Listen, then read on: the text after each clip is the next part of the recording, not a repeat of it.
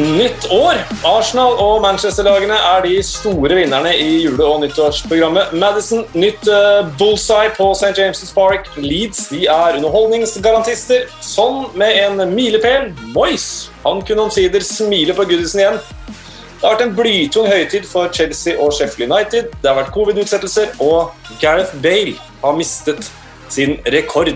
Det er noe av det som har skjedd i, eh, siden sist vi var eh, samlet. Og nå har vi samlet et ensemble som skal ta for, oss, ta for seg uh, de rundene som har vært. Eller skjønt, vi har ikke samla det helt ennå, for én er på vei. Men helt fra Manchester, Per Atle, du skal være med oss i hele dag. Det blir deilig. Ja, jeg var såpass heldig på nyåret at jeg fikk lov til det, så det ble jo et uh, høydepunkt for meg det året her. det. Så det, det gleder jeg meg til. ja, det er deilig. Det er, det er vi som er heldige, Per Atle. Og fra på andre Er det mellom de syv fjell, Jon? Eller er det over fjellet, eller via tog, eller? Nei, det er nesten på toppen av et uh, fjell ute i uh, Fana. Jeg sitter og ser utover mot uh, Klaus Lundekvams rike ute på Austevoll, så I Bergen by. På landet. På landet i byen. Det hører skurrer allerede. Det var en dårlig start. Jon Hartvig Børestad, velkommen. takk, takk, takk. Og så venter vi på vår kjære Endre Olav Osnes. Han er på vei inn i eh, det digitale landskapet fra det fysiske. Så han dukker opp etter hvert, og skal vi ta han behørig imot. Er det litt typisk at Endre Olav alltid er litt forsinka? Ja, det, ja. Er grunn, det er i grunnen det. Men eh, den som venter på noe godt, venter aldri forgjeves, og sånn er det hver gang med jobb. Ja, for Jeg hørte du snakket om ensemble der, og i nyttårstider så er jo det ofte de der wienerfilharmonikerne som spiller uh, nyttårskonserten og sånn, og det blir jo alltid litt dårlig stemning hvis han på obo ikke dukker opp, og der er EO nå. Ja. Den forsvunne obospiller. Jeg har for øvrig spilt uh, klarinett. Uh, hvilke to andre i Premier League-redaksjonen har gjort det? Jeg kan Dagens se for meg at um, Petter Myhre har spilt klarinett. Riktig svar er eh, Erik Thorstvedt, Brede Hangeland og Jon Hardvig Børrestad. For en trio. Ja, det er litt av en trio. Seks meter med lakrisstang. Har du noen instrumenter på, på repertoaret, Per Atle? Nei, vet du, det kunne jeg aldri. Jeg var, var med, sto på scenen i noen sånn eh, skuespill og litt forskjellige musikaler sånn, da jeg var mindre, men det, det stoppa fort. For å si det sånn.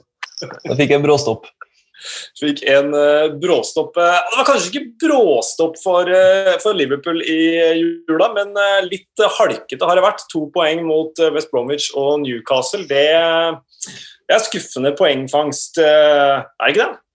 Jo. Det er, jeg vil si at det er meget svakt. Jeg vil si at det er skuffende jul for, for Liverpool. To poeng og for West Bromwich der som ser død og begrava ut, selv om Big Sam har kommet inn. så så eh, skal jeg være skuffa etter eh, to poeng med juleprogrammet de har hatt. Så, men, men, det er jo mot de såkalt mindre lagene i Gåsøyene de har slitt denne sesongen. Så men det er, også, det er jo også mot to, eh, to lag som faktisk ser ut som to av de, de svakeste i ligaen. Så enig med Per Atle at det der ikke ser spesielt uh, bra ut. Og så er det jo mange lag som har uh, halta i dette helt sinnssyke juleprogrammet. Og de, de, taper ikke kamper. Vi får si at det er en slags uh, styrke. Litt uflaks hadde de jo selvfølgelig også mot Newcastle, men når vi gjør opp summen til slutt, så, så ser det jo ikke helt bra ut for Liverpool. Nei, eh, de uh, har jo riktignok én kamp igjen. da. De skal møte Southampton i, uh, i kveld, så det kan bli brukbart allikevel for, for, Liverpool. Jeg får et spørsmål fra Helge Rydningen, for vi gjør litt sånn den runden her, at, eller den oppsummeringa at vi tar litt spørsmål fra lytterne våre underveis. Han spør om Liverpool må handle ny midtstopper. Svaret er vel ja, kanskje? Ja, men hvis du hører på altså, Klopp han, var jo, altså, han virker jo alltid fornøyd med, med de løsningene han har. og På pressekonferansen i går blant annet, så, så sa han jo at han, de kom ikke til å kjøpe bare for å kjøpe. Han var fornøyd med sånn som det så ut nå, men han, han stenger jo ikke døra helt da, og sier jo at hvis det, hvis det rette dukker opp, så, og til rett pris, selvfølgelig, så, så kan det bli, bli aktuelt. Men uh, det er jo på en måte ikke bakover det har skorta helt for Liverpool heller denne sesongen. her, Hvis vi liksom ser på hvor de uh, har tapt uh, poengene sine. og nå har de også får de Tiago tilbake, en maestro foran her. Og vi får Endre Olav tilbake, så det er jo helt nydelig. Deilig. Ja. Godt nyttår! Godt nyttår. Her er det bare å legge seg langflat med en eneste gang, men deilig å få innpass i møterommet likevel. Du vet det kanskje ikke ennå, men uh, du er uh, nå blitt uh, obotraktør i dette orkesteret. Deilig, det. Så, så, så, får du høre på podkasten i etterkant og finne ut hvorfor. Gleder meg. Eh, Helge han, han, spør også hvorfor um, og da Vi glir litt over fra Liverpool til eh, de andre tettlagene. Da, hvorfor Manchester United får så mange straffer. Uh, er, det, er, det, fordi de er ofte i boksen? Er de dyktige til å oppsøke situasjoner? Er det, eller er det rett og slett tilfeldig? Da skal jeg bare lene meg på en mann som vi ofte siterer her. Bojo-Chris. En fantastisk Twitter-konto som han har. Han har sett på antall straffer per 100 skårede ligamål siden 2002-2003. Og Der er det Manchester City, Manchester United, Liverpool og Chelsea som er de øverste. Så Det er jo også lag som har dominert siden det. Så helt tilfeldig er det neppe. Det er, det er jo ikke tilfeldig at de beste lagene oppholder seg mest i motstanders 16-meter og derfor får flest uh, straffer. Men apropos straffer og, og, og Manchester United, det var jo kjempediskusjoner eh, på bakrommet når eh, Pogba gikk eh, i bakken etter møtet med ja, hvem var det igjen? Aston Villa, selvfølgelig. Um, det var jo interessant å se hvordan, hvordan Pogba helt klart med kroppsspråket sier til Luke Shaw du må gå ned. Han oppfordrer ikke direkte til juks, sånn sett, men han sier du må gå ned, og han gjør det jo flere ganger og viser disse tegnene med både én hånd og to hender flere ganger. Og så skjønner ikke så helt uh, hva han mener. Og så sier, uh, tenker Pogba aha, så er nok en visual learner, jeg får vise ham hvordan man gjør det. Og så uh, deiser han i bakken, og så, og så blåses det. Men noen er bedre på dette. Jamie Vardy er fantastisk eh, til å stikke ut uh, foten. Leicester har vel fått uh, Er det 13 straffer? 10, 10 straffer, tror jeg det er, på de 16 siste kampene. Altså denne sesongen. Det er jo helt, helt utrolig. Så noen er jo veldig, veldig gode på å manipulere frem en straffe, hvis man kan bruke de ordene. Men det hører jo selvfølgelig med til saken at uh, de beste lagene er oftest i motstanderens uh, boks, og vil da også selvfølgelig bli felt flere ganger. Ja, og så er man jo de spilletypene, de som går litt på ekstra i, i boks. Der husker jo Suárez for Liverpool. altså Kjører skuddfintene, bare går på. Uh, Martial er jo litt sånn. Rashford er jo litt sånn. Så det er jo ikke helt tilfeldig. De har liksom typene til det. Og man utvikler jo teknikker for å få frispark, for å få straffer. Harry Kane, f.eks., uh, har sin måte å, å, gjøre det på. Andre kommer seg inn eh, foran motstander, stopper opp og så blir løpt ned. Så det er jo en Jeg vil si at det er en ferdighet òg. Ja, og For å understreke det poenget, så lå vel Palace, som ikke har vært så fryktelig dominante i ligaen, ganske høyt oppe en stund på en, på en straffestatistikk. Og da har de jo uh, Saha, uh, Wilfred Saha, som, uh, som, også har de der egenskapene EU snakker om. da. Utfordre, ja. eksplosiv i boks. Ja, det var jo deres nesten skåringsoppskrift. At Saha ble, ble, felt, og så tok Milivojevic straffen der. Det var en meget god kombinasjon. Litt sånn Son Kane-kombinasjon, nesten. litt, litt obo- og klarinettkombinasjon på mange måter. Ikke sant. Jeg gleder meg til å lytte til podkasten. Manchester United, da, vi, eh, vi, følger det jo tett alle sammen, men eh, ingen tettere enn deg, eh, Piratle. Norges nest største profil i Manchester. Uh, jeg takket være Våler. Hva syns du om jula? Hvor Gunnar Solskjærs menn har levert? Nei, jeg tror han skal være eh, ganske fornøyd med den jula her. altså Sju poeng eh, ut av det, det juleprogrammet der. Det, det, er så, det, er ikke så, aller verst, det. Eh, de burde ha hatt uh, tre i Leicester også på boksing der. Så vinner de da på overtid mot uh, Wolverhampton. Det, er sterkt, det viser, viser karakter. Og så vinner de mot Aston Villa ingen, Verken Wolverhampton eller Aston Villa var jo overbevisende eller sånn kjempegode dager, men de, de, vinner og de gjør nok. og det er, en, det er kanskje en ferdighet som har vært litt sånn sårt eh, ønska i, i, Manchester de siste årene. Så, så jeg tror jeg skal være eh, godt fornøyd med, med den jula her. og De blir vel en av de store vinnerne eh, i juleprogrammet, sånn sett under ett. Vi har ikke vært så høyt, tror jeg, ved nyttår siden Sir Alex eh, Fergusons tid og sist de vant, eh, vant eh, Premier League. og mm. uh, A-poeng med Liverpool det er et saftig oppgjør som venter uh, 17.1, tror jeg det er, på Anfield. Ja, det blir, blir vilt også. Det er, jo, det er, jo, vilt å tenke på hvor, uh, hvor, hvor mye de har spist seg inn på Liverpool, også Manchester United, selv om det her er en, en rar sesong, selvfølgelig. Så i fjor på på det tidspunktet etter 16 kamper så, så, var de 22 poeng bak Liverpool. Mm. Eh, nå har de A-poeng med Liverpool, og det er et ganske kraftig jafs. Så, så er de også 16 poeng bak City. så det, det, det, Noe rett må han jo gjøre, eh, Solskjær, og til tross for alt eh, all kjefta han har fått, eh, spesielt denne sesongen. Så, den kampen der den blir den største, største kampen mellom de to lagene på mange mange år. og så er det bare trist egentlig at det ikke kan være eh, fans til stede på den kampen.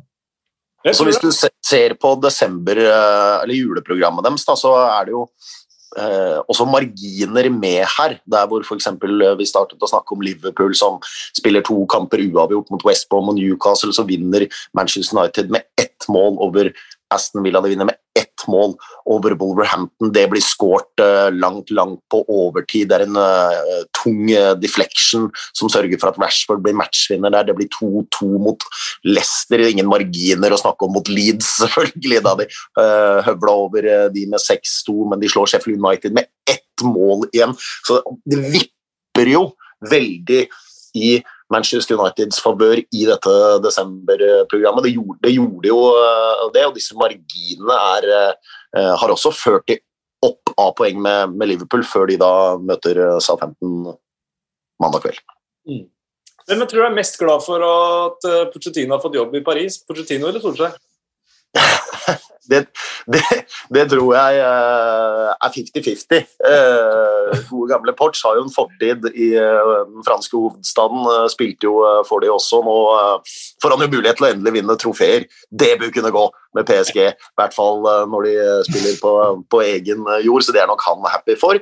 Og så har jo Solskjær sluppet dette evinnelige maset. men juleperioden har jo også beveget det presset på managerne. Interessant å se hvordan den eh, presskarusellen har gått fra Solskjær, så gikk den over til Arteta. Arteta brukte eh, de tre siste mm, kampene i juleprogrammet og nyttårsprogrammet til å flytte kanskje trykket så vidt innom Mourinho, før han slo Leeds 3-0. Nå var det Lampard som plutselig har uh, fått hele trykket luftsbår over seg. Så Solskjær har jo også brukt jule- og nyttårsprogrammet til å kvitte seg med, med dette trøkket, og sendt det videre. Nå ligger det og trøkker oppover i Vest-London. Glimrende press-sisten der, da. Hvem er neste? Hvem er det? En, en, en som aldri, men en som aldri får noe trøkk, er jo Chris Wilder. Jeg skulle akkurat til å si det. Bestevennen din, Per Atle, han, han, sitter trygt. Ja han, han, gjør vel egentlig det. Var jo ikke, det mange dagene siden, uh, siden styret gikk ut og sa at de støtta han, men som du var inne på sist, uh, vi snakka om akkurat det, Espen, så kan jo det bli tolka litt sånn begge veier når styret går ut og uh, erklærer støtte til, til manageren, men ja, han, han, sitter vel trygt enn så lenge, kanskje, fordi den, den fyren han er og den betydninga han hadde for Sheffield United, men du verden, det ser mørkt ut. Herregud, det ser mørkt ut. Ja, de, kommer til å, de kommer til å gå ned, det er jeg ganske sikker på. Chris Wilder, eneste måten uh, han ikke skal være Sheffield United-trener på i fremtiden, er jo hvis han trekker seg sjøl. Og sier uh, dette er det beste for uh, meg og for klubben, dette gidder jeg ikke lenger, jeg orker ikke å reise rundt og bli pissa på. Uh, sånn som godeste Rekdal sa en, en, gang, men han, altså, han er jo Sheffield United. Altså, han er jo tatovert med, med, den klubben i dobbel forstand. Han elsker de, han spilte for de, han styrte de opp. Han var jo med på dette eventyret selvfølgelig som var forrige sesong, og nå står han midt i, i møkka. Men eh, det kan jo være at Chris Wilder er så glad i, i fotballklubben eh, sin at han faktisk eh, sier kanskje det er best at noen andre tar over, og så får han og Alan Mill, er det ikke det han heter? Han bestekompisen han som står på side, sidelinja med. en annen oppgave, for de jobber jo veldig tett sammen. Har, ja, vi kan jo ta det nå med en gang. De har altså tatt tre kamper i jula. Altså hele tiden har det vært dette halmstrået for Sheffield United. at ja, Husk i 1990-91, da gikk det 16 kamper, og så vant vi. Nå har det gått 17 kamper, så nå er det også borte. Uh, men var inne på at Gareth Bale mista en rekord uh, i jula. Jeg ser du nikker, Jon. Ja, jeg tror jeg vet hva vi skal til her. Kjør rekorden først. Ja, kjør rekorden først. Det var eh, antall seire fra, eh, antall kamper uten tap fra din første kamp i Premier League. Gareth Bale ja. hadde 24. Ja, jo. Og den, og den kampen var jeg på når de snudde. Ah, hvem Var det mot Burnley? Eh, mot Burnley. Jeg satt på tribunen. Uh, og så kom Gareth Bale inn. Uh, da var det mye snakk om at uh, Rednap skulle selge Gareth Bale. Det var jo faktisk tunge rykter om det. Noen millioner for å få den, få den videre, for dette kom aldri til å gå. Men Tottenham leda vel bare 5-0 mot Burnley.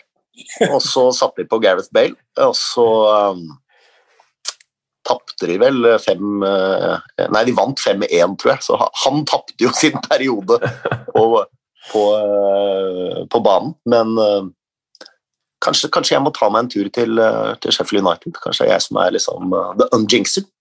Ja, for Burnley, det, det sjekka jeg faktisk eh, nå, det ble, mm, det ble utslagsgivende denne gangen òg, det.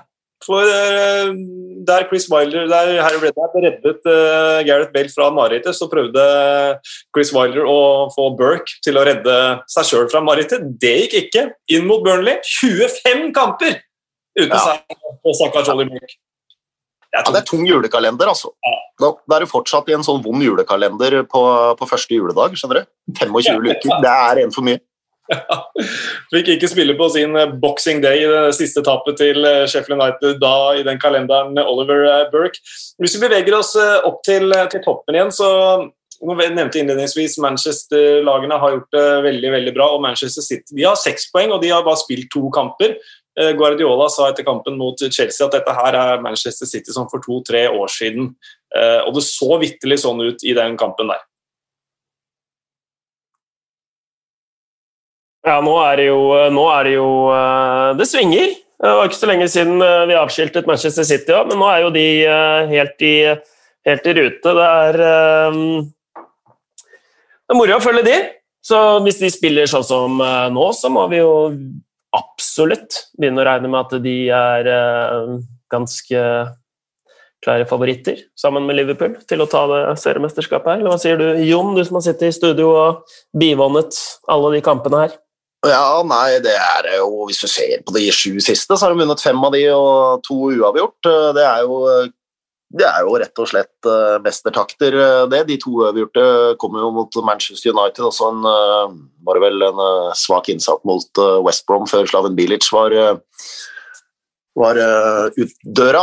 Men det de beviste og viste frem mot Chelsea der, var jo litt sånn vintage City, syns jeg. Med voldsomme bevegelser, distinkte og drepende foran mål. Og så har de jo de, de, er jo mer solide bakover enn på lenge. Jeg tror det virker som Pep Guardiola har tenkt at uh, her må jeg rett og slett uh, låse igjen døra, for dette laget kommer jo til å skåre ett eller to mål klink hver, hver kamp. Og da, da, holder det jo, da. Til, til tre poeng som, som, regel, så City skal være med. Det føler jeg meg helt sikker på. De syns jeg egentlig har sett ganske bra ut de, de siste matchene, men var nå tilbake på sånn der ordentlig uh, turbonivå mot, uh, mot, Chelsea på Stamford Bridge. Ja, og det som er så imponerende, er jo at de gjør det De gjør det borte, og de gjør det med mange ute. Da. Med, eller ja, de jo, er jo covid-19-rammet, da. Og Aguero startet heller ikke. Og, så det er jo uh, veldig mye som tyder på at de har enda mer å gå på enn det de også viste i den uh, kampen der. Så jeg syns jo det er, det er, gøy å se et vintage uh, Manchester City igjen, da. For det er jo et lag man har, har savnet, savnet litt. Ja, og Phil Foden uh, viser jo Det har jo vært en sånn hype rundt han nå veldig lenge. Uh, arvtaker til David Silva osv. Uh, svarte jo veldig godt for seg etter kampen mot Chelsea. Sa at jeg har ikke dårlig tid, jeg er fortsatt ung, vi har fantastiske spillere her som jeg fortsatt kan lære av, men se jo hva han har å by på, hva han på en måte kan, kan gi City, hva han kan gi ligaen der. Det er, det er helt enormt De har, eh, de har, så mange bra spillere, og når det begynner å klikke der, så, eh, så skal det toget rulle ganske fort. altså.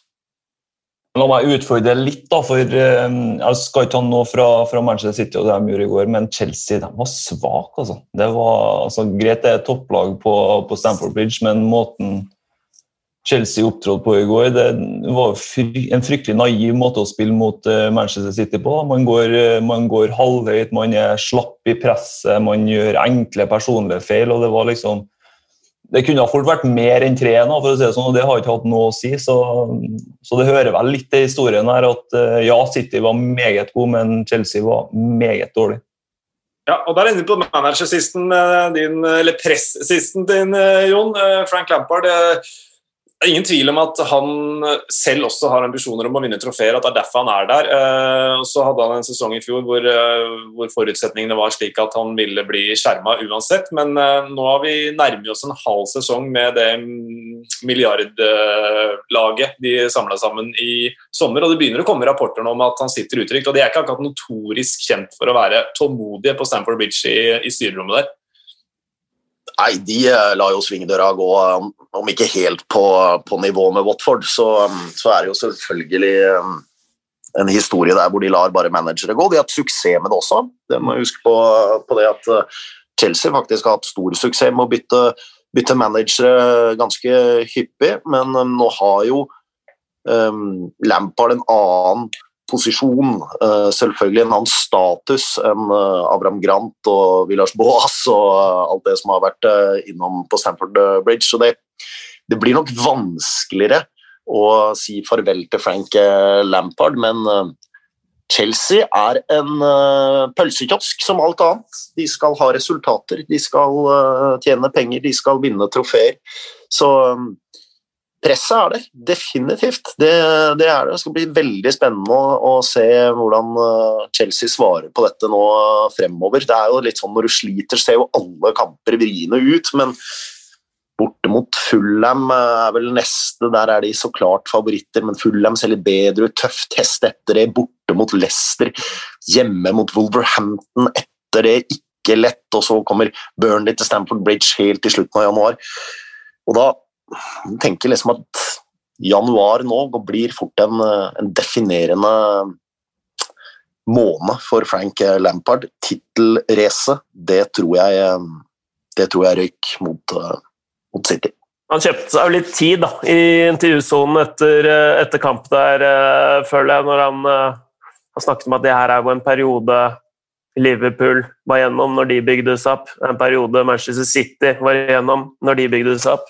Eh, nå er vi det. Dette er en eh, test, og så det, skal vi være klare for Fullham borte. Så det virker som han kjøper seg litt tid da, i, eh, i, kommunikasjonen. Han unnskylder seg en del, og, men også ja, forklarer da, mekanismen her. Men det er klart, når han, han har vært når de har shoppa så mye som de har gjort, og så har de én seier én uavgjort, fire tap på de seks siste, så er jo mm. selvfølgelig Da er man jo per definisjon i, i fare som mm.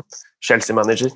Han sier jo mye bra i det intervjuet der uh, også. Du, du, det er lett å, å tyde og lese at han uh, er uh, småforbanna, han er pressa, han, han syns det er vondt å på mange måter eh, stå der. Han, men han, han, klarer likevel, som du sier, jo, altså, å svare ganske godt for seg. Men det jeg syns han skal passe seg for, er at han skal komme med de oppgulpene som som kom hele forrige sesong, som er ja, dette er så ungt lag, det er så ungt lag, det er så mange unge spillere. Se på det laget han satte ut mot Chelsea, så var det ikke akkurat bare tenåringer som løp rundt der som aldri hadde vært med på dette før. Det, det går ikke, altså. Så det er mer enn nok rutine i det laget til Chelsea der, at han, skal unnskylde seg med at de er, de er unge og de skal lære. Det, det syns jeg han skal legge fra seg. Det, det, akkurat den uh, historien som Chelsea spant veldig veldig godt da, forrige sesong, den føler jeg ikke holder helt målet lenger. Nei, jeg er enig i det. Og han, han har jo henta nytt og ungt, og det er klart det, men det er jo, det er jo noen verdensmestere på det laget der. og, og um, Jago Silva er jo ganske rutinert, han også. og Her er det jo Det er vel nok nok av folk som har tatt noen trofeer før. Men jeg liker eh, Frank Lampard. Da. Jeg liker tøffheten hans. Jeg syns han er eh, fornuftig, han er reflektert uh, i det han sier. Han er, han er tøff. Um, han kjørte jo alle mann i oppvarming i pausen der. Det liker jeg òg, sånne ting. Ja. Så jeg har litt trua på at uh, han skal kunne klare å snu det her, da. Mm. Nei, han er en likende type. Uh, og selv om jeg mener at han skal slutte med oppgulp om at han er så unge når han har flere verdensmestere og, og Premier League-mestere i troppen sin, så svarer han godt for seg. og han eh, skjønner, Jeg skjønner at folk tenker dette blir en, en supermanager i, i, fremtiden, for han, han, virker å ha det, men perioden og øyeblikket nå, det er, det er tøft for ham. Så må jo med, må jo med regnestykket her og at uh, den oppkjøringa jeg hadde sesongen, her, da, som vi har vært inne på, har henta et drøss med spillere. Uh, og Selv om det på en måte er verdensstjerner fra den øverste hylla, så, så, så, skal det litt til da, å få inn såpass mange nye, og så skal du faktisk få dem til å fungere sammen. Og så har man ikke noe oppkjøring i det hele tatt, nesten. Så det, det er jo også en utfordring han har hatt med laget. Det tar jo tid å, å, bygge lag, og spesielt når du kjøper så mye på så kort tid, da, så, så blir ikke det satt sammen i håndsvending. og det det er kanskje det han merker litt nå, at det, derfor det varierer såpass mye som det gjør.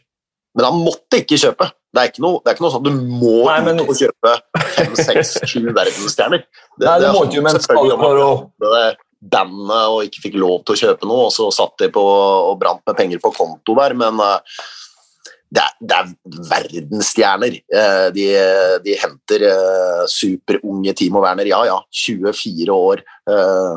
Uh, Hakim Siertz 27, uh, Thiago Silva verdensstjerne, verdensmester 36 uh, år. De går og henter alle disse her. Spørsmålet er var de, følte de seg presset til å gjøre det for å på en måte minske gapet til, uh, til Liverpool, uh, kanskje Manchester uh, City. At det skulle være en sånn hasteoperasjon for å på en måte sørge for å komme nærmere de to toppklubbene. Var det mer navn enn spillere som vil passe Frank Lampards måte å spille fotball på, de hentet.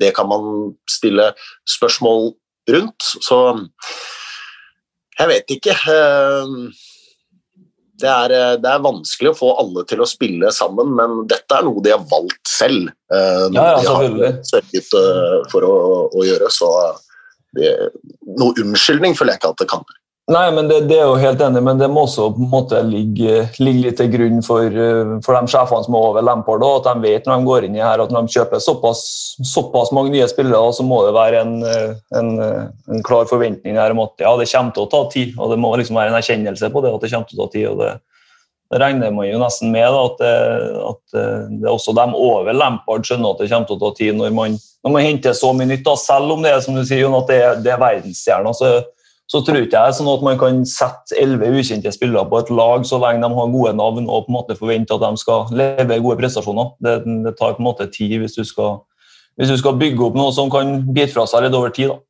Ja, og kanskje, kanskje, er det akkurat det jeg var inne på. Det navnene er større enn eh, behovet for typer som hadde mm. passet inn i, i, i Chelsea. Men det, det, er jo nesten en hel pod i seg sjøl, akkurat eh, det temaet. Ja, de har jo mye litt uh, også kanskje litt overflødig på, på, benken, som er veldig, veldig uh, bra. Da. Litt sånn like typer. Altså, mm. Nå sitter Havertz på benken, Hudson og Doy satt på benken sist. Uh, mens Pulisic, Mount, Siech altså De offensive spillerne altså, de bader jo i lettbeinte, gode, tekniske, offensive midtbanespillere, angrepsspillere. Så um, er nesten litt for mye av det gode. Det var kanskje lettere når man bare skulle bruke akademispillerne og hadde kjøpsnekt. Mm. Se på Sebastian Villa, da, hvordan de treffer uh, med, med, sine kjøp. Uh, er jo full pott, altså. Det får igjen Matty Cash, som ser helt uh, Premier League-klar ut og fin. De får inn Emiliano Martinez, keeperen der, som plutselig ser, er, kanskje er den beste i, i, i ligaen akkurat for øyeblikket, hvis du skulle hatt en sånn power rank på, på keepere. Ollie Watkins uh, har vært uh, veldig bra fordi uh, Ross Barkley har vært mye skada, alt det der, men det ser også ut som en fornuftig signering. Så de, Traoré de jo, Ikke sant, Traoré, veldig, veldig bra formspiller i tillegg. Så det ser ut som Kanskje de har tenkt mer akkurat hva trenger vi, hvor er akkurat de posisjonene vi må uh, styrke oss på, hvilke typer trenger vi, i de posisjonene, og så har det på en måte blitt en, en fullklaff. Det er uh, mye mindre press og, og mindre, mindre, og færre krav i Aston Villa enn å være i, i Chelsea f.eks. Men der ser du i hvert fall et eksempel på en fantastisk uh, fulltreff med transferpolitikken. Transfer, ja. Og, og, Aston Villa de uh, skal ikke ta Altså, Tapet mot Manchester United skal ikke ta brodden fra et, et, et nok, altså nok, en god uh, periode for Aston Villa, da, med uavgjort borte på, mot nettopp Chelsea på, på, Stamford Bridge. og En seier var Palace før det, 3-0 overbevisende. Um, de ligger altså på en syvendeplass nå. Eh, to, kamper mindre, eller to kamper mindre spilt enn Leicester f.eks. på tredjeplass. Så det er jo et, det et villalag dette her som, som, fort kan være med helt inn topp eh, top seks. Eh, topp fire er kanskje litt mye å forlange, men, men det ser altså enorm forandring på bare noen måneder på, på Villa Park. Ja, og, og tenk hvor nære de var å gå ned. Altså, Vi mm. skulle jo egentlig vært nede, hadde Hawkeye funka så hadde Villa vært nede. Eh, så uh, sinnssykt er det jo, og nå ser de helt utrolig bra ut. De slipper inn langt færre mål. Kanskje har det noe med John Terry å gjøre? Kanskje har han fått lov til å, å stramme opp det bakre rekka, eller hele laget til Aston Villa. Relish jeg tror jeg elsker det at uh, spillere rundt han også uh, får fokus, sånn at han kan på en måte danse på enda lettere føtter. Ser selvfølgelig helt fantastisk ut. Traoré var jo innom der. Digger han. Nei, det, det Villa-laget ser rett og slett uh, supersolid ut, og um, det skal bli spennende å se hvor lenge det, det holder. Elveren deres, uh, de tolv, kanskje 13 spillerne, syns jeg er uh, ser superbra ut. Dean Smith og Terry gjør en, en kanonjobb. Eh, jeg digger Villa og hørte at Mourinho sa det var favorittlaget hans å se på. Eh, det er vel ikke så lenge til de to skal møtes heller, så, så det, nei, det, blir, det, blir, spennende. Ja, det, det, 13. januar. Det er et perfekt sammensatt uh, fotballag, faktisk, og, og så og stopper det. Uh, Tyrone Mings, som uh, spiller bra både med Konsa, eller om det er eh, Courtney Haas. Altså, det er tre veldig veldig bra stoppere. De har gode backer. Og så skal vi jo ikke glemme den brasilianske landslagsspilleren, da. Douglas Louise på midten der. Det er veldig veldig bra sammensatt, men jeg mener fortsatt at uh, det beste Villa-laget Nå har jo de andre begynt å stå frem, så nå har de flere strenger å spille på. Det jeg var redd for i starten, var at uh, Grealish var litt avhengig av Ross Barkley for å være på sitt beste. Um, og Villa igjen er jo avhengig av Grealish, men nå, nå har jo de andre gutta begynt å, å stå frem, og El Ghazi, Traoré ja, Jeg skal ikke gjenta det Jon har sagt, jeg vil bare um, bygge opp under det. Og så er det er jo et topplag, da. Uh, altså, er, altså, bare for å sluttføre det, men nå er jo liksom Det er som Simen sa, da. Simen hadde kommentert Tottenham Leeds. Traff jeg han og Semb etterpå så er det sånn Ja, nå er jo alt toppmatcher. Hvilken kamp er det du skal kommentere? Og det er Crystal Palace, Sheffield United. Men uh, det er veldig mye toppmatcher, i hvert fall. Det er sju poeng som skiller nummer én og nummer ti, mm. og det er Westham. Sju poeng skiller de laga. Det er jo uh, Altså, vi, uh, eh, 2020 har gitt oss forbanna mye drit og faenskap, hvis det er lov å si på, eh, på poden.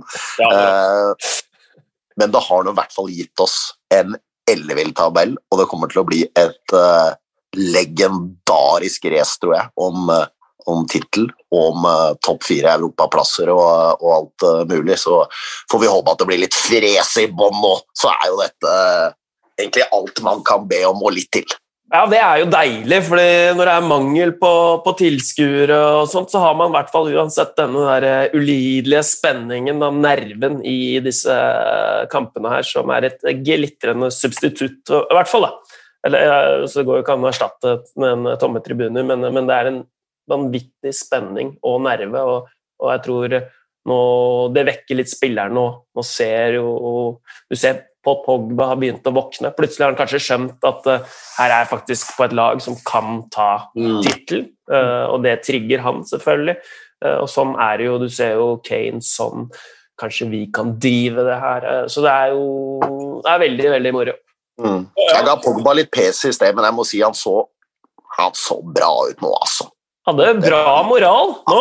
Ja, ja, så bra ut, altså. Og han kan faktisk bli superviktig for Manchester United igjen, og det må jo glede veldig, veldig mange, eller alle Manchester United-fans, egentlig.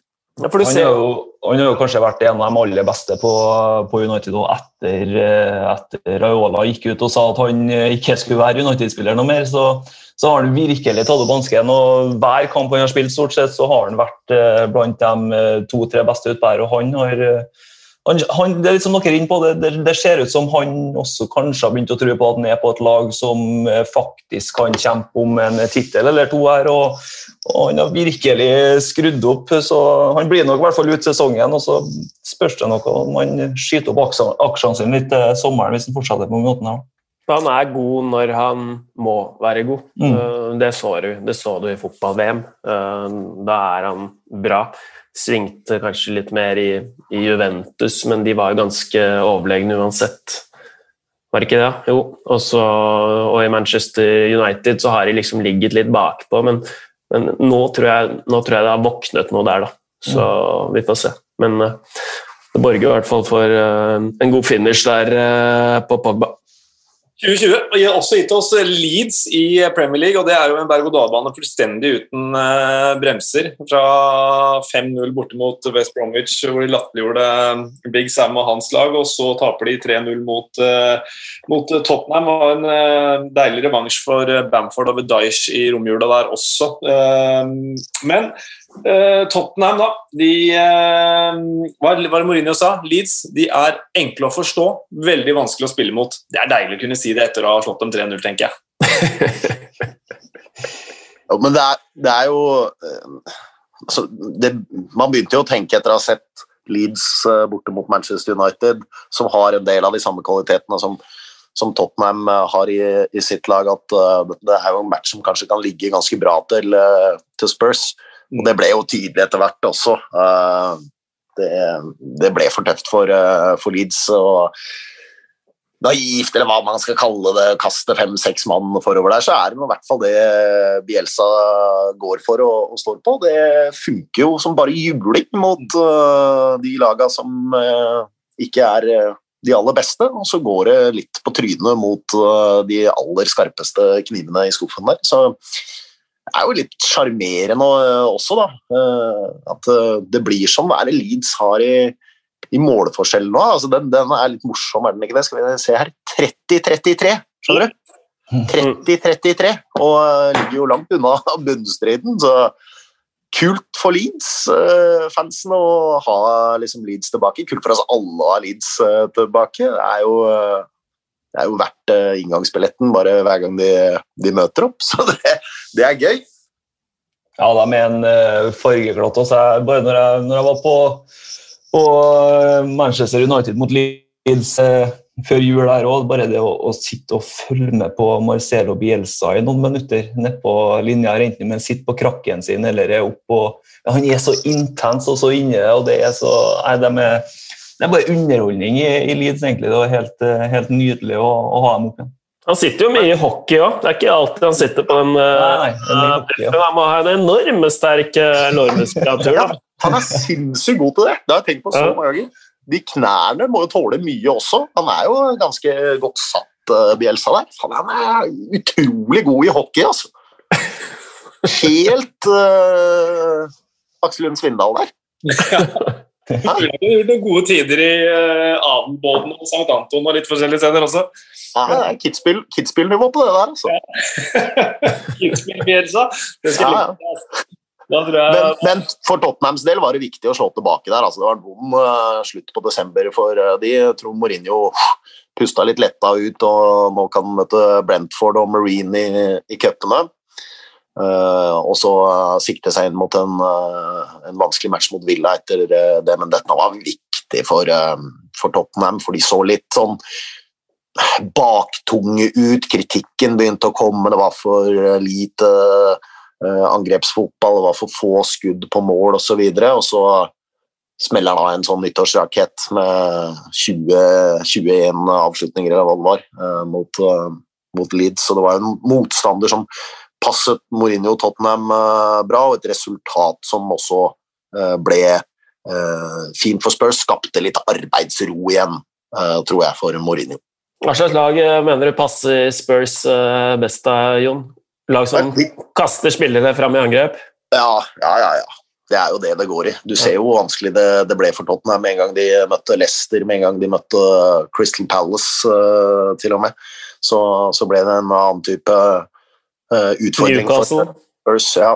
Og det er jo um, Newcastle uh, tapte de jo også for, gjorde de ikke det til slutt? Ja, tapte poeng, tapte poeng 1-1. Ja, det var jo den helt snodige straffa, det, i begynnelsen av av sesongen uh, der. Men akkurat i den matchen var jo Spurs ganske gode, faktisk. Men, men uh, nå ser det ut som de sliter litt med lag som, uh, som kan tørre å, å, klare å stå litt imot, da, og ta imot litt, og så bruke egentlig samme medisin mot Spurs som, som, de ønsker å benytte mot antatt bedre motstand. Eh, Kane og Son, en liten rekord i Premier League-sammenheng der. 13 ganger har de nå kombinert for scoring. Det Så mange har ikke et par gjort i løpet av én sesong. og er vel fortsatt er det Drogba Lampard som er øverst. eller Jeg husker ikke helt hvem som er i farta, hvem som er øverst på denne statistikken, men uh, de er oppe på 30 eller noe nå. De er innen rekkevidde i løpet av sesongen. her. Det eneste overraskende var at de måtte til 2021 omtrent for å komme opp i 13 mellom de to. Fantastiske kombinasjoner de to har. altså. Ja, de er helt, de er helt, eh, de er helt enorme. Eh, de har jo blitt litt sånn bestiser utenfor banen nå.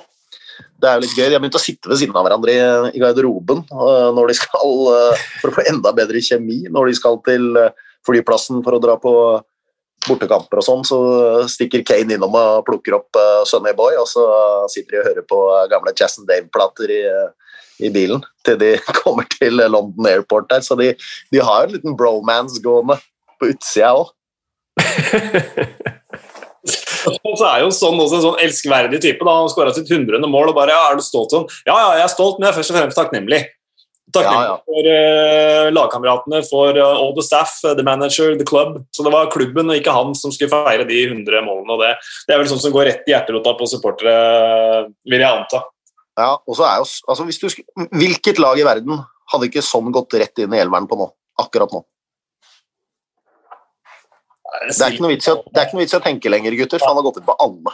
Han har gått inn på alle. Han er så god, og snakk om en gullsignering for, eh, for Tottenham. Uh, nå har han nådd 100 mål. Han må jo sende en liten tanke til Brede Hangeland uh, også, for uh, det var jo Brede han runda da han satte inn sitt første for klubben. Så Brede var jo med å starte uh, sin, sin karriere superkarriere i, i, Tottenham. Men for en signering! Og nå jobbes med, med å få, få, han til å skrive under ny kontrakt nå også. Det, det, virker jo som han trives bra der, og at alt ligger til rette for at det skal kunne ordne seg. Og så ligger veldig mye til rette for at uh, Leicester skal klare det de ikke klarte forrige sesong, nemlig topp Eh, fire for eh, starter året, som de startet det forrige, med å vinne på St. James' eh, Park. Ja, skal man si hva man vil om Newcastle, men, men så jo Liverpool bare noen dager før ikke klarer å komme av gårde med tre poeng, så det er nok et styrketegn det der av Leicester som jeg vet ikke om jeg, jeg føler at Ikke undervurdert, men man glemmer litt hvor gode de er. Uh, og så ligger de på, ligger de på tredjeplass.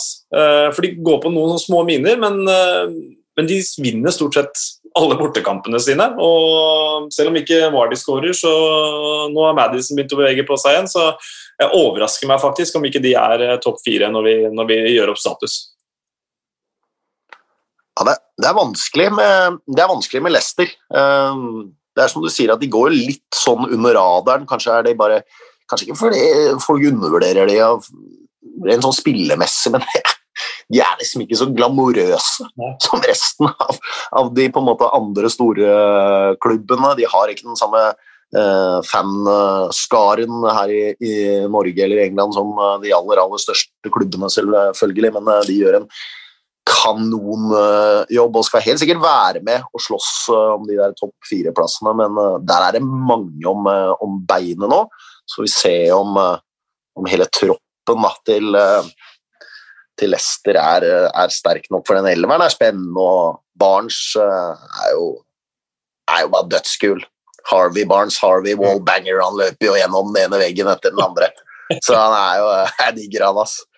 Og Foffen ser bra ut bakover der, og nei, det Uff, de er gode, altså. De er gode.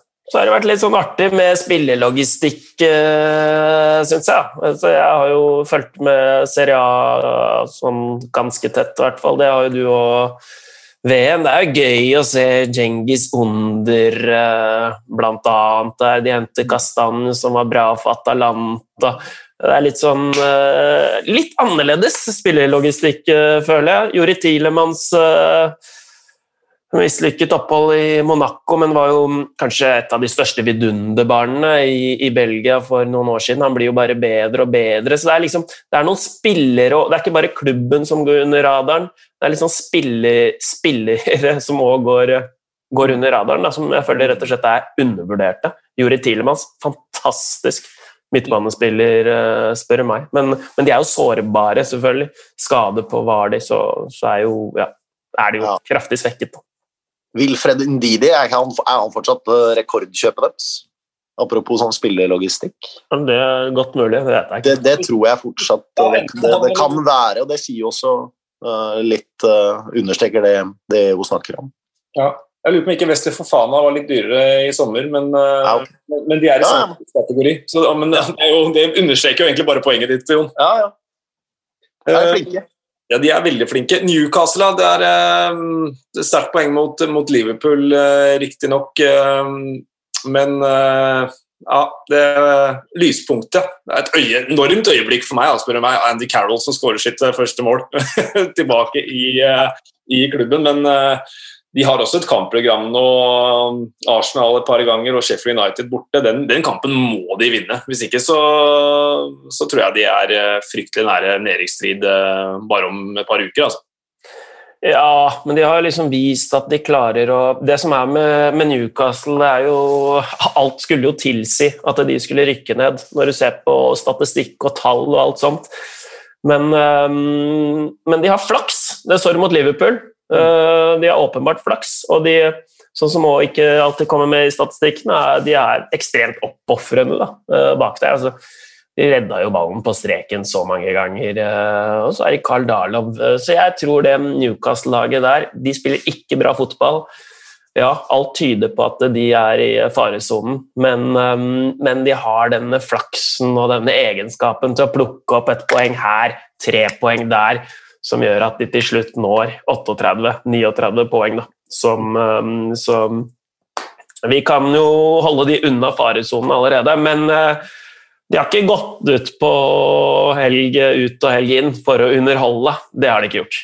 Nei, og Der ligger jo sikkert mye av, mye av, kritikken mot Bruce fra supporteren også, at de ikke er on the front foot, som de sier i England. At, eh, at Hvis de kaster seg i angrep så, så, og, og, så taper, så tror jeg kanskje Newcastle-fansen vil like det bedre enn en sånn som det ser ut nå. Men da er jo risikoen også at man, man, går ned, så man får velge mellom noen onder der, kanskje. Det er litt, litt forenkla, selvfølgelig, men, uh, men ikke, ikke, gulltider i nordøst sånn generelt. Uh, de, hadde jo, de hadde jo en periode forrige sesong hvor hvor de var helt uh, super Broadway, da.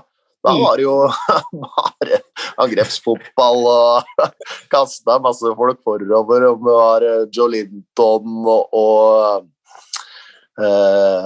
Almiron uh, eh, St. Maxima Det var liksom Plutselig var det all lights and glitter, og, og det var uh, en liten periode med masse, masse mål i, i Newcastle. Mm. Så de har noen spillertyper da, som kan på en måte skru på hvis det skulle trengs uh, også, men først og fremst er det vel denne oppfordrende, litt sånn gjerrige stilen som skal redde de, og så må begynne å skåre litt mer på dødball igjen. Jeg syns de var steingode på det forrige sesong. Ja, de var det. Da sto jo masse mål fra, fra midtstopperne. Men uh, nå er det jo Cal Callum Wilson som egentlig bærer det laget der på, på skuldrene sine, og han har jo hatt en veldig, veldig bra effektivitet, da, men uh, så der har de faktisk noe å gå på. Dødballmål. Få litt skåringer fra, fra, stopperne, for de er egentlig målfarlige. og Det, det så man jo også mot, mot, Liverpool. De skal være sjeleglade for at de fikk med seg et poeng der, men de kunne mm. også tatt uh, tre. Husker ikke hvem det var, om det var Skjær eller Fernandes Nei, Clark var det. Ja, Kieran Clark som hadde den headingen. Så men uh, det, er, det, er, et litt artig lag, det er som du sier, uh, Jon. De har uh, absolutt materiale til å gå ut på der og underholde litt med, med gutta. Almiron og St. Ja. Maxima. Og så siste lille pluss til, til Newcastle. Det, kanskje har de fått i gang mannen med det vakreste navnet i Premier League også. DeAndre Rosell Jedlin har ja. jo stått litt opp igjen der herlig type med en fantastisk fart. Så får vi se om han klarer å, å, utvikle seg enda litt mer, for det ligger jo et potensial i, i amerikaneren. Mm. Absolutt. Ja, Hva med Arsenal? da? Det, vi må komme dit også. De ser ut til å ha fått å snudd et hjørne nå. Fått ut potensialet. Pratte, hvor imponert er du over jula til Arsenal? Jeg er ganske imponert, og det er helt uh, nødvendig tror jeg, for uh, Ariteta sin videre eksistens. Det begynte å brenne litt på Emirates for han nå, men de må jo være en av julas store vinnere med, med, tre på rappen her. og, og den, den seieren mot West Bromwich og meget sterk seier. Jeg så jo faktisk litt, litt sånn finfotball fra Arsenal òg. Det som mange mange tenker på når de tenker på Arsenal, er jo den klikk-klakk-fotballen og litt sånn eh, tikki taka nærmest. og Du, du så jo noen noe kombinasjoner her og noen skåringer som, eh, som minte litt om, om, gode gamle dager. og ja, Det virker som Arsenal er plutselig i live igjen. og så blir det noe spennende å se hvor lang tid det tar før, før lufta går ut av ballongen denne gangen, eller om man, eller om han har klart å lappe av såpass at den, at den kan holde seg. Du, du hadde jo, ja, du hadde jo matchen eh, der ved en eh, Nå var det ganske raffinert, altså, det som, mm. det som skjer der. Ja, De to forrige Arsenal-matchene jeg kommenterte, det var Burnley og Southampton. og da, Det var, det var tungrodde greier. Eh, men 2-0-skåringa altså 1-0-skåring er også fantastisk. altså Misforstå meg rett. Eh, og Det er vel 20 pasninger eller oppbygning av den, selv om Tierney stjeler alle overskriftene med rette. Men for meg så er 2-0-skåringa beholdninga der, når eh, Smith-Roe kjører den fordekte pasninga, og så ser du de unggutta kose seg. altså Lacassette, som også hadde en enorm match, ikke bare to mål. Ja, og det her må jo Det her får jeg litt vann i munnen av, for jeg har vært litt sånn uh, Arsenal-korrespondent i uh, Europa League denne sesongen der. Kommentert de uh, mye. De er jo i gruppe med Molde, Dundalk, Rapid Wien. Så er jo klart Da, da har de jo brukt unggutta. Så da har jeg liksom sett den fotballen der, da, på torsdager, og Emil Smith Roe, som var knallbra ute i Europa. Eh, så, så det, det, er litt moro å se det laget i mm. Premier League herje med Saka, Emil Smith-Roe. Eh, du ser eh, Willoch kom inn, Maitland Niles. Mens de som egentlig skuffer på det laget der, er jo sånn som William I hvert fall, da. Ja, det, er kid, det, er kidsa som på en måte redder Arteta her. Mm. Ja. Og, og det er det var jo litt sånn vintage eh, Arsenal. Eh, fikk jo følelsen at du satt og så på Pires og Ari og litt sånn igjen når eh, de begynte å herje mot West Brom der. Og så skal det jo sies at møte Brighton, som valgte å hvile halve laget, og så West Brom, som sammen med Sheffield United er det dårligste laget i, i ligaen for øyeblikket, så er jo det to gavematcher. Ja for, ehm, for uh, Arteta og Arsenal. Jeg syns ikke de var spesielt gode mot uh, Brighton. Kunne ha ligget under til pause der. Uh, hevet seg litt i andre omgang. Men mot West Brom så de jo ordentlig gode ut. og det, det er spennende for Arsenal-fansen å se om det kan fortsette. Nå møter de godt organiserte Palace, og så er det Newcastle etter det. Så nå får de flere sånne tester med, med å spille ut lag som er godt organisert og ligger dypt. Det, det, det som er litt, eh, litt, Av og til kan være det, det positive og negative for lag når det går dårlig, det er jo akkurat det her som, som dere er inne på, at det, at det kan komme opp noen, noe nye, nye, spennende unggutter. Sånn som han eh, Smith-Roe der, han ser jo helt, eh, helt nydelig ut. Sant? Han er ikke mange som har hørt om før sesongen.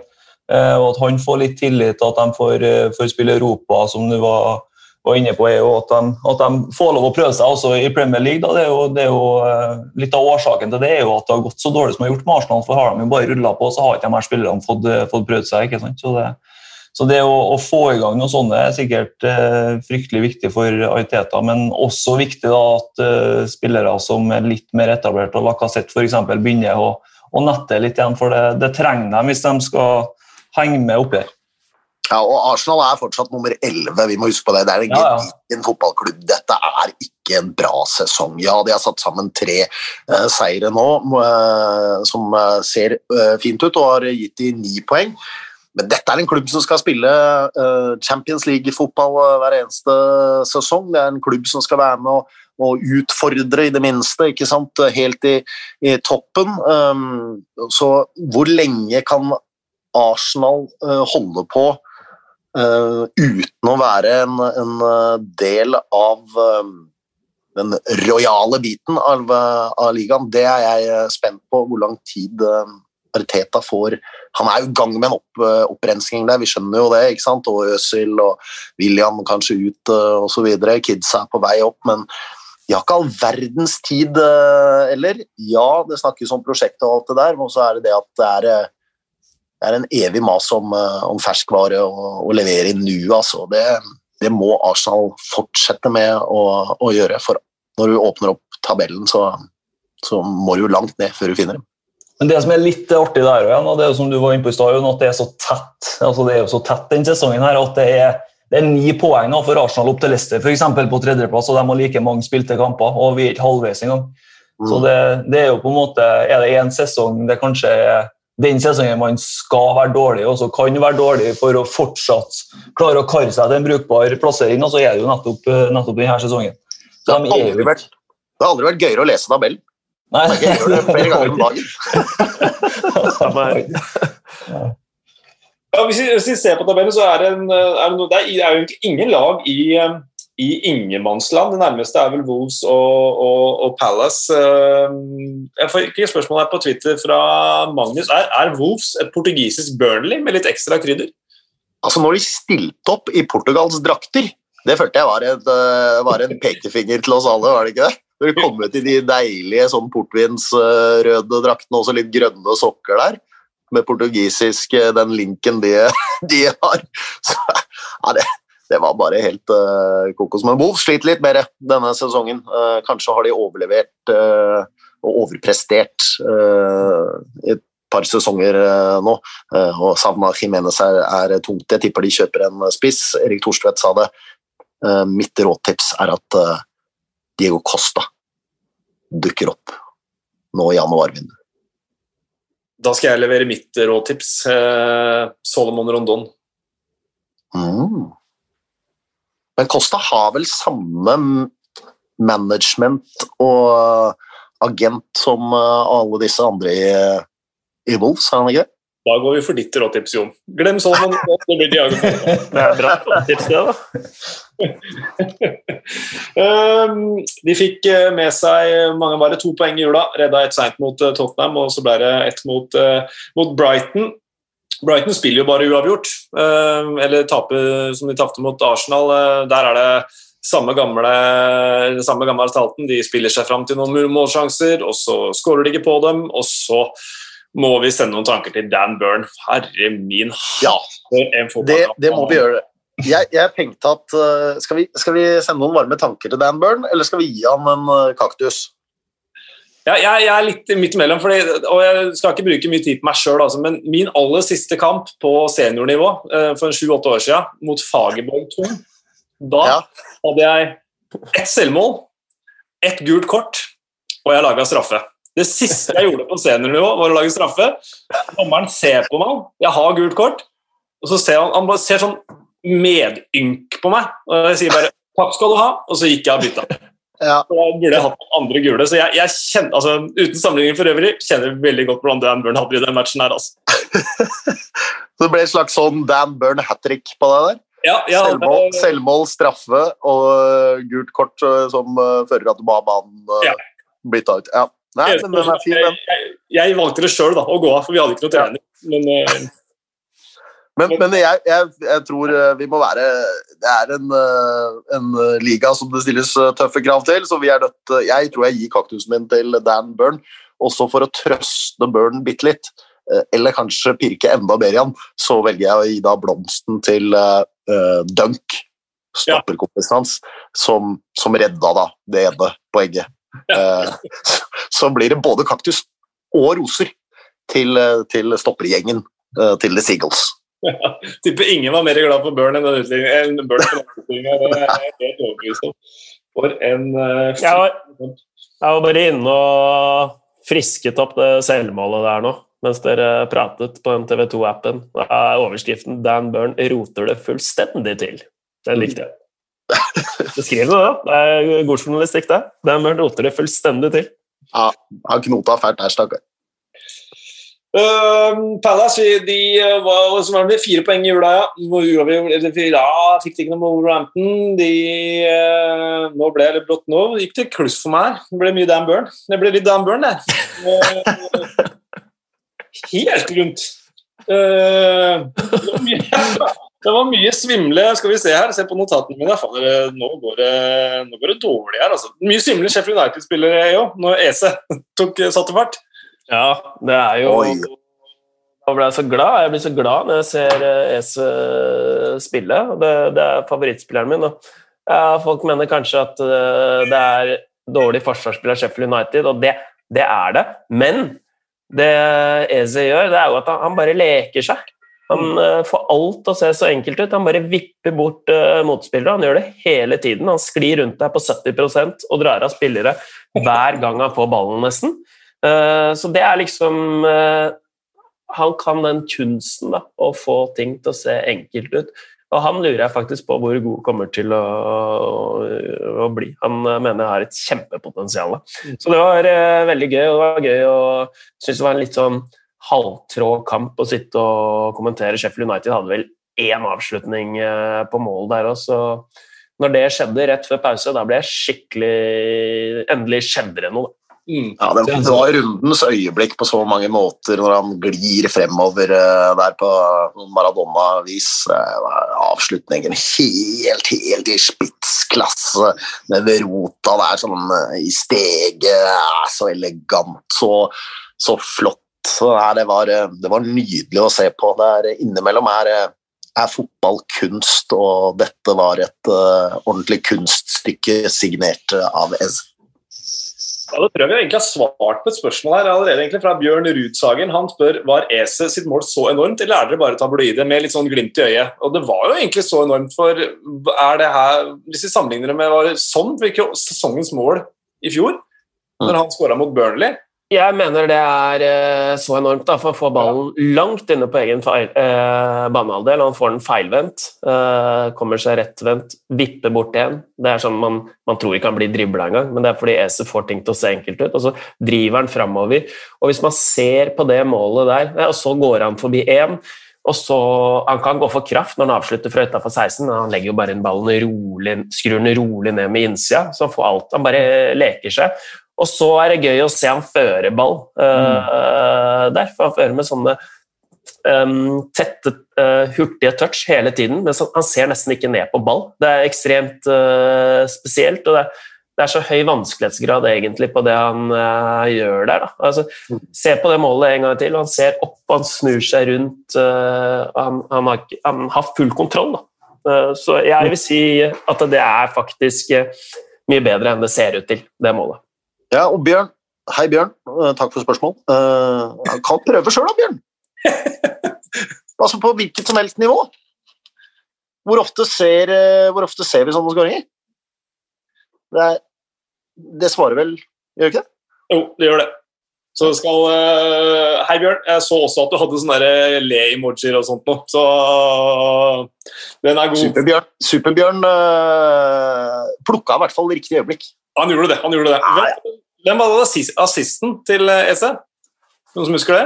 Nei, men jeg husker jeg spurte om det. Det ble jo litt sånn Jan Fertungen sist. Fertungen prøvde jo prøvde jo å skryte på seg sist det sånn der, det Pushkas-målet. James MacArthur. James, akkurat! Der ser du. Hver uke. Med tap-in-assist til ESE. Ferdig skåra. Uh, Southampton de uh, ja, skal spille i kveld. Så, og har vel et par 0-0-matcher å skilte med i, um, i jula. Uh, kanskje litt uh, håndbrekke på der nå etter en fantastisk høst under Hasenhyttel, men uh, skal ikke avskrive de på noen som helst måte. Men vi snakker ikke så mye om dem. det er Så herlig skal jeg være. Ei heller Fulham, som ja, tok ett poeng mot nettopp Southampton. De spilte bare én kamp pga. covid-utsettelser. Så Scott Parker han uh, får vel snakke digitalt med sine, sine, gutter og gjøre dem klar til oppgavene som venter.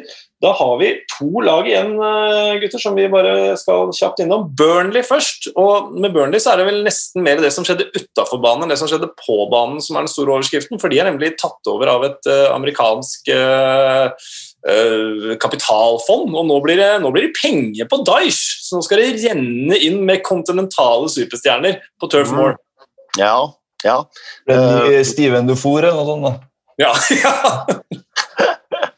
Ja, jeg vet ikke hvor glamorøst man kan gjøre Burnley, egentlig. Um, Kalvenes, som spilte der, fikk jo beskjed om at han aldri måtte finne på å flytte til byen. Uh, ingen av spillerne som spiller der, bor vel i Burnley heller. Så um, det skal bli spennende. Ted Lasso, en som, uh, som uh, trener, kanskje. Burnley Brucers, kanskje de skifter navn, jeg vet ikke. Men jeg er glad i Burnley. Jeg syns det er kult. De har jo på mange måter blitt litt sånn the Stoke of old. Det er jo dette som er på en måte Premier League-testen. ikke sant? Can you do it uh, on a windy night at Burnley? Mm. Så um, Sean Dyche er, uh, er, kul, og um, for Pratle Per Atle som reiser rundt i England vet ikke, Har du fått intervjua Sean Dyche? Nei, ikke ennå. Det kommer. Han har jo han har blir litt varmere i først. Han er så grov i målet. vet du, Skummel fyr. Ja, han er jo helt Darth Vader uh, etter matcher. Da har det jo Premier Leagues uh, sterkeste røst. Og så er han, er han bygd på en helt sånn fascinerende måte. Han har en fysikk som er så uh, kul. Han er liksom han er på en måte litt sånn, ikke bare the ginger Mourinho, men the ginger Adama Traoré. altså Voldsom pakke. Han er et sånt, Husker du de kjøleskapene vi hadde på hytta? Når vi var unge, for oss som er i 40-åra. De litt mindre, ikke sånn kjempehøye, slanke, moderne som er i dag, men de litt mer sånn kompakte, med sånn stålhåndtak og var vanskelig å få opp. Det er sånn Daesh for meg, altså. Mm. Så uh, Burnley ser litt ut som Burnley igjen. Det digger jeg, og de har livets uh, rett, selv om det ikke er uh, alltid tikki-taka på turfball. Nei, og han, bare for å runde av Daesh der, da, han han sa vel i sommer at det var en slags modern day glamour with substitutions, så han gadd ikke å bytte så mye, for det var ikke nødvendig. Og han har vel sagt noe lignende angående å kjøpe spillere. Ja, hvis det er noen spillere som er tilgjengelige til prisen, så skal vi kjøpe dem. Hvis ikke jeg ser noen grunn til det, så gidder jeg ikke. Så Nei. det blir ikke noe Messi på Turf Moor. Eh, det tror jeg ikke Daesh gidder. Og Burnley har tapt to av de åtte siste. De, ja. Eh, de klarer seg. Ikke tenk på Burnley. Det går greit. Ja, det går greit. De skulle jo spille mot Fulheim, og den ble jo ja, covid-utsatt. Det har vært satt opp på fire kamper. Alle fire kampene som har blitt covid-utsatt, de har jeg vært satt opp på. Det begynner å bli småskummelt, faktisk. Hva er neste kamp? Jeg har ja. Valencia Cádiz i kveld. Den tror jeg den går. Covid-utsatt, da. Ehm, et, eh, et lag som ikke ser ut til å klare seg, Helt avslutningsvis her, uh, Sam Allardyce han har sagt at de må begynne å holde nullen. Og så må han få en, uh, en spiller på topp som kan uh, skåre mål. Det er vel egentlig ganske greit oppsummert, men det er, det er mye annet å rette på der også. Det, det spørs om ikke Sam Allardyce sitt, sin streak med ikke rykke ned, den er, har vel aldri vært i større fare enn nå. Nei, vi, vi sa det vel Siden han kom inn? Ja, ja, ja det òg. 13 baklengs på, på, fire kamper. Helt grusomt. Ja, det... det er som du sier, eh, Espen, at han har jo aldri rykka ned fra, fra Premier League når han har tatt over en jobb, men vi sa også at dette er den tøffeste oppgaven han kommer til å å få. Eh, det har jo da de siste matchene gitt et bevis på. Så jeg tenker, jeg tenker liksom på hvor ødeleggende den, eh, den, matchen mot Leeds var. Eh, får 1-1 borte mot Liverpool der. Da er Big Sam oppe med løsna slips og, og krave ute med sigaren, har noe brunt og sterkt i glasset, tenker at nå skal gutta kjøpe mine ideer, nå, er, nå har vi en mulighet her. Og så kommer bare den smellen mot Leeds om 0-5 i trynet, og så følger de opp med 0-4 mot, mot, Arsenal der. Da, da, tror jeg det er uh, rett i kista, altså, for, uh, for Westball. Kjell Willy han spør hvorfor måker de ikke hele banen i pausen. Sløvt av hjemmelaget. Det tror jeg kanskje om at det er kanskje ikke nok folk der til å måke. Men uh, den konspiratoriske vil kanskje tenke at Sam Allardyce så en mulighet til å utnytte forholdene. Men uh, det var bare enveiskjøring hele veien. Ja, det var, det, var, det var, så klasseforskjell eh, der etter hvert. Det, det gikk så altfor fort for, for West Brom. Uh, jeg, jeg sliter med å se hvordan både de og Sheffield United skal på en måte overleve i den ligaen. for Jeg ser på lagene rett over der, så har de de har så mye mer å, å kunne skuffe på med. da Fullham ser, ser, bedre ut nå. Brighton har latt litt uh, uflaks. Burnley er Burnley. Newcastle har en egen evne til å holde seg unna. Palace tror jeg ikke kommer til å være der nede. så nei, det, det ser blytungt ut for uh, the baggies. Boing, boing, rett ned i championship igjen. Da ryker nok statistikken for eh, Sam Allardyce. Vi skal runde av med noen uh, faste spalter uh, på tampen her, selv om du, Jon, har allerede introdusert to. Vi får ta de to siste også. Det var moro å se på. Morata var kjempegod. Hva i all verden? Er. Han snakka om seg sjæl, han snakka om dommeren. Da er vi tilbake med de faste spaltene. Var det blomst og kaktus til Dunk og Burn? Var ikke det du var innom, Jon?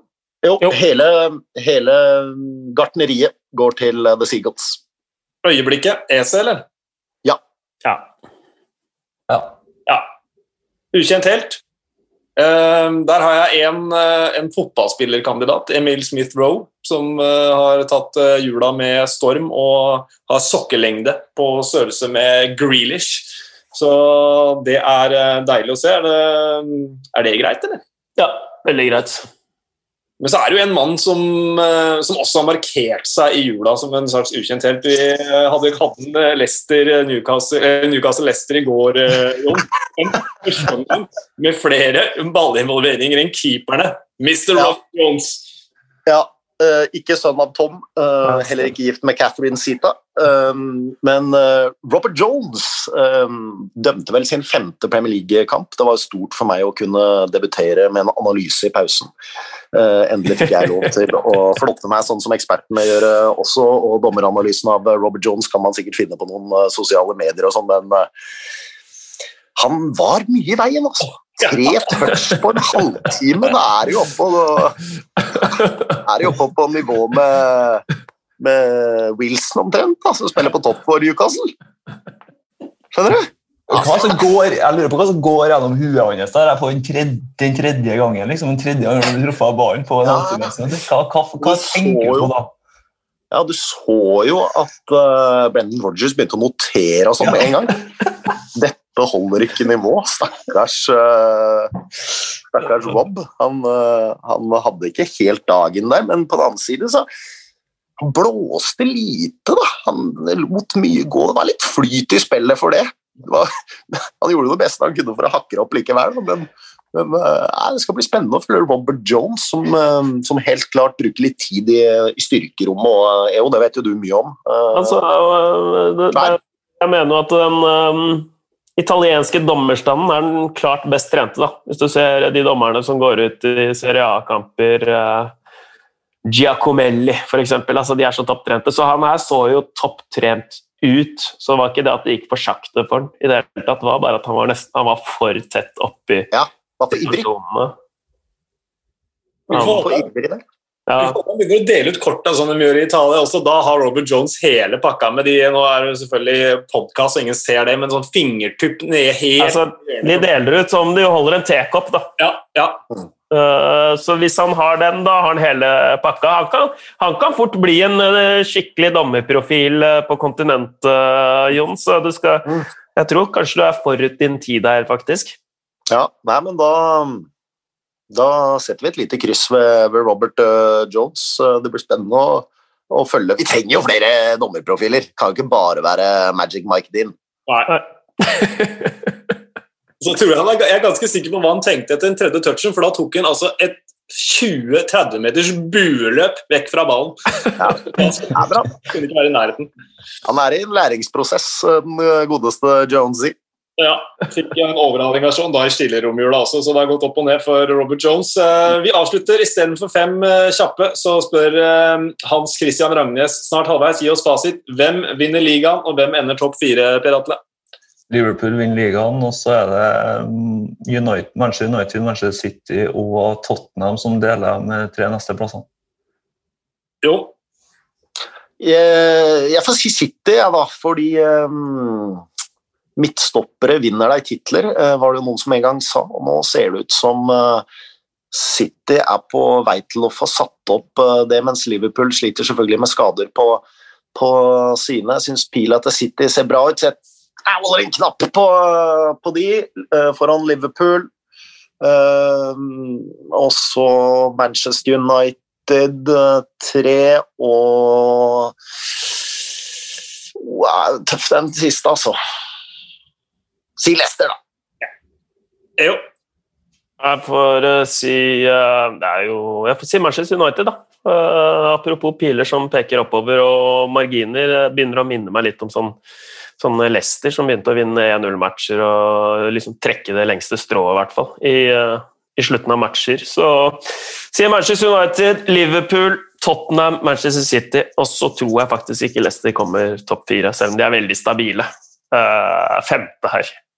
Deilig. Og så eh, får vi beklage til City-fansen som vil at vi skal snakke masse om eh, Forsvaret. Det hadde det fortjent, men Jon, du har heldigvis nevnt eh, Forsvaret flere ganger. Og Stones Diaz de skal vi hylle ved en eh, senere anledning. Til slutt, resultattips Southampton-Liverpool i eh, kveld, Leo. Eh, 2-1 Jon? Ja, 2-1 eh, til Southampton.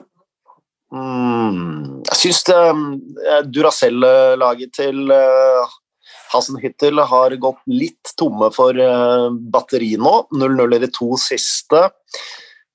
Ketchup-effekten, da? Ja, ja, Liverpool, Liverpool Jeg tror Southampton er jo kult, da. Det er jo Klopp mot Babyklopp. på mange Det er. Klopp mot Alpenes Klopp. Ikke sant? Kloppet i klopp. Eh, jeg tror også det blir eh, 2-1, men eh, at Liverpool er de som uh, skårer to ganger. Per Atle? Diago tilbake for eh, Liverpool. Maestroen 3-1 borte. Én hjemmeseier, to borteseiere der. Eh, Eo, tusen takk. Du kom sent, men usedvanlig godt i dag. Ja, det er jo eh, Nå skal jeg inn og høre på åpningen. Ja, du er Norges mest kjente oboist, hvis det er det det heter. Spennende. Spennende. Ja, det er et veldig eh, Jeg som har erfaring med flisinstrumenter, eh, obo Veldig, veldig vanskelig å, å få til, men eh, med dine følsomme lepper og dine store lunger, så er dette et instrument som passer deg perfekt. Før skal jeg gå og finne ut hva det er, så at jeg kan liksom se det for meg litt. Ja, nei, det er en fetter av klarinetten. eh, Det er jo det. Ja. Nå må du komme deg ut i sola, Jon. Ut Jeg skal og. Deilig. Tusen takk for at du var med fra solfyll til Bergen. Og pirater fra ja, kanskje ikke solfyll til Manchester. er Grå Manchester. Grå Manchester, ja. Sånn er det. Tusen takk, eh, og takk for at du hørte på. Du hører på Spotify, iTunes. Takk til Moderne Media og vår mann Håkon, som har hjulpet oss med episoden. Takk for at du lytter. Vi høres. Ja, det er ikke første gang, det blir ikke siste gang at uh, noe går i glemmeboka. Og denne gangen, uh, som uh, sist, EO, du stiller elskverdig opp i kjølvannet av innspilling for noen ekstra minutter, noen overtidsminutter om Everton og Westham. Jeg tror Westham ble nevnt av Jon én gang, men for ikke å få Westham-supporterne på nakken, og ikke minst Everton-supporterne, som det ville vært fullt fortjent, så tar vi en uh, liten liten snurr. Vi kan begynne med Everton, som fikk én kamp utsatt pga. koronasmitte i Manchester City. Én uh, seier, ett tap i, i juleprogrammet. Uavgjort 1-1 i målforskjell. Alle slår jo Sheffield United, så det er kanskje ikke det mest imponerende. Men en tung start på det nye året mot, mot Westham. Ja, det jo Det skulle jo egentlig være en toppkamp da, mellom Everton og Manchester City uh, der på, som ble avlyst, eller utsatt da, pga. Um, smitte. Så det blir nok ikke toppkamp eh, neste gang, kanskje. For de røyker jo mot uh, Westham. Uh, de er jo litt sånn vanskelig å forstå seg på, Everton, for de åpna jo med en vanvittig god periode, og så åpna de med en lang rekke uten med tap. Og så um, de en, hadde de en lang rekke uten, uten tap, mm. og så røyk de mot Westham. Det var litt sånn tett og jevn kamp, og det var jo ganske heldig, selvfølgelig, den skåringen til Solsjekk fire minutter før slutt. Så de går litt i sykluser, det Everton-laget. Mm. mm, de gjør det, og en som på en måte dundra på gjennom de syklusene, men som kanskje ikke helt er eh, like sharp som han så ut innledningsvis. Dominic Calvert Lewin han er jo en, eh, en, nøkkelmann for det laget der, samme som Richarlison. Um, og så har de hatt Hames Rodriges ute skadet, han var tilbake nå. Um, hvordan tror du det har påvirket dem? bare ja, absolutt. Vi har jo sett de har spilt med fire stoppere som uh, i backfireren og har prøvd litt forskjellig. Tre bak, og så er det nå um, Savna bekkene, da. Det er jo, vi har vært inne på det før. Luca Ding er fortsatt ute. Hames Rodriguez vært ute. Allan har vært ute noen kamper nå. Det er altså gode fotballspillere da, som ja. uh, spiller egentlig alt under Angelotti. Og, så han får ikke den servicen han uh, trenger, Calvert Lewin. nå. Og han er jo en boksspiller, mm. så han må jo få ballene inn i boks. Ja, han var jo også, skal ikke ta fra ham at han var fryktelig nær det som ville vært en av sesongens skåringer eh, borte mot Sheffield United når han tok ned ball på brystet og tverrvendte i lufta og banka han utafor. Men uh, da fikk de i hvert fall eh, poeng. Det ble det ingen av mot, mot Westham. Jeg snakka med, med en Westham-supporter som bor nede i gata her før Chelsea-kampen før jul, og da ble det tap. Da var optimismen voldsom hos Westham-supporterne. Det er ikke noe grunn til at den ikke skal være det, selv om Kanskje uavgjort mot eh, Brighton var litt, uh, litt skuffende. Sterkt poeng mot Southampton, og så drar jo David Moyes tilbake til Goodison Park. Tar sin første seier der siden han forlot det, og han gjør det ved hjelp av det som er hans nåværende Felaini, Thomas Socek. Ja, det er, det er, jo det. Uh, så det er, det er, gøy med Thomas Socek nå. Han bøtter jo inn mål. Han er vel fire, tror jeg? Er det mm. han har? Ja, om ikke det er ferdig, faktisk. Ja, det er sikkert fem. Ja, han skåra to. Bøtter jo inn uh, skåringer, så, så, det er jo det er jo gøy å, å, å, se, men eh, det er jo klart det, det, der er et lag som er veldig veldig avhengig av uh, Michael Antonio. Uh, vil jeg si. De ser mm. ut som et annet lag uten ham enn med ham. Nå er han på vei tilbake, så da kan, kan de kanskje få et lite løft igjen. Da. Nå har Aller gjort så godt han, han kan. Men han er liksom ikke Antonio. Antonio kom inn nå, fikk en halvtime. Så, og det bedrer seg jo med en gang etter at han kommer inn, så Så er usikker på den, har jeg ikke sjekket opp, men den eh, Fabianski ble jo skadet ja. også eh, under oppvarmingen, så Randolph sto i stedet for mot Everton, og hadde jo Randolph veldig lite å gjøre. Så, så det er jo klart eh, viktige spillere da, som må holdes friske for, for Westham. Da kan det gå ganske bra, men de er jo litt bak uh, utbrytergruppa, vil jeg si. Det er de. Eh, jeg vet du er svak for Sebastian Aller også. Jo, han hadde jo en skåring i romjula der, det brassesparket, som, uh, ja. som, som fort blir sesongens mål. Ja, det var bra du minte meg på, for den hadde, den hadde jeg faktisk Den hadde jeg faktisk glemt, utrolig nok. Så, så det er jo Men han er ikke Antonio. Nei, det er han ikke. Men han har de øyeblikkene der, så Men eh, nei, det skal bli bra for Westham å få tilbake Antonio. Det skal det. Stockport eh, neste FA-cupen, og så venter to kamper mot Burnley og West eh, Bromwich. Det kan bli nye utfordringer det for Westham. Får se om de klarer å fortsette å etablere seg på topp ti. Det var et lite bonusspor om de to lagene vi glemte i all orkesterspillinga og prat om, Deilig, det. om andre lag. Deilig, det.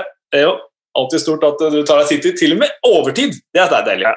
Ja, sånn er det når man er litt seint ute. Så da får man kompensere med å stå igjen litt ekstra på feltet og terpe.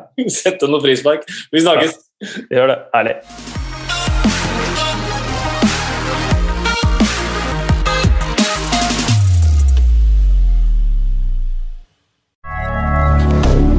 Moderne media.